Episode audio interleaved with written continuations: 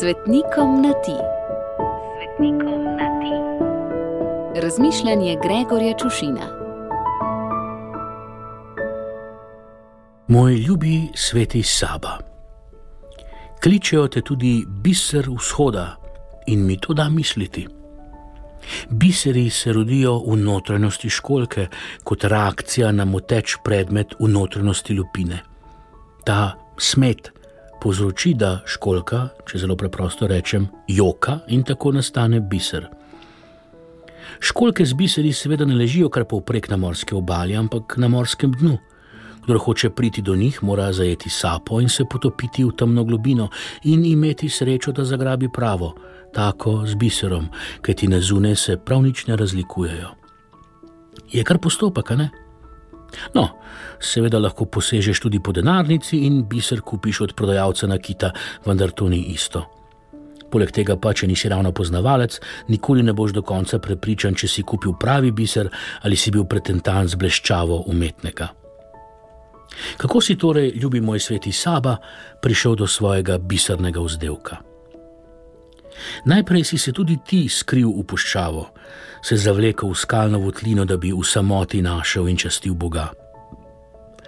Le redko katera školka leži sama, tako so se tudi tebi pridružili somišljeniki in naselili vsako luknjo v dotični pečini mrtvomorske pustinje, v kateri se je dalo poklekniti in za silo zlekniti. Tako je nastal samostan velika Sabova Laura, ki obstaja še danes in legenda pravi, da se bo v njem darovala zadnja maša pred koncem sveta. Z množico ljudi, pa če so še tako pobožni, pa pride tudi množica problemov. Kar pa vprašate kakšnega redovnika ali redovnico, pa boste videli, da se posvečeni ljudje v samostanih brusijo prav tako, če ne še bolj kot mi v naših družinah. Razlogov za jok in smeh in za biserjenje več kot dovolj.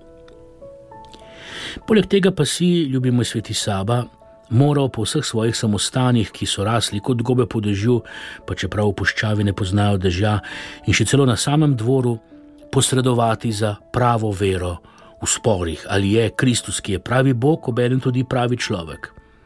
Vse to je torej smetilo tvoj puščavski mir ti pa si z modrostjo, ljubeznijo in vero samo pridobival na lesku, dokler nisi zaupljivo in mirno, kot si skušal živeti, v božje roke izročil še svojo dušo in se zableščal kot veličastni biser vzhoda. Ljubi moj sveti Saba, obilo žegno za tvoj god, pa nam ga z odbleskom vrni in izli na nas, da bomo še mi deležni vsaj delčka božjega sijaja. Gregor.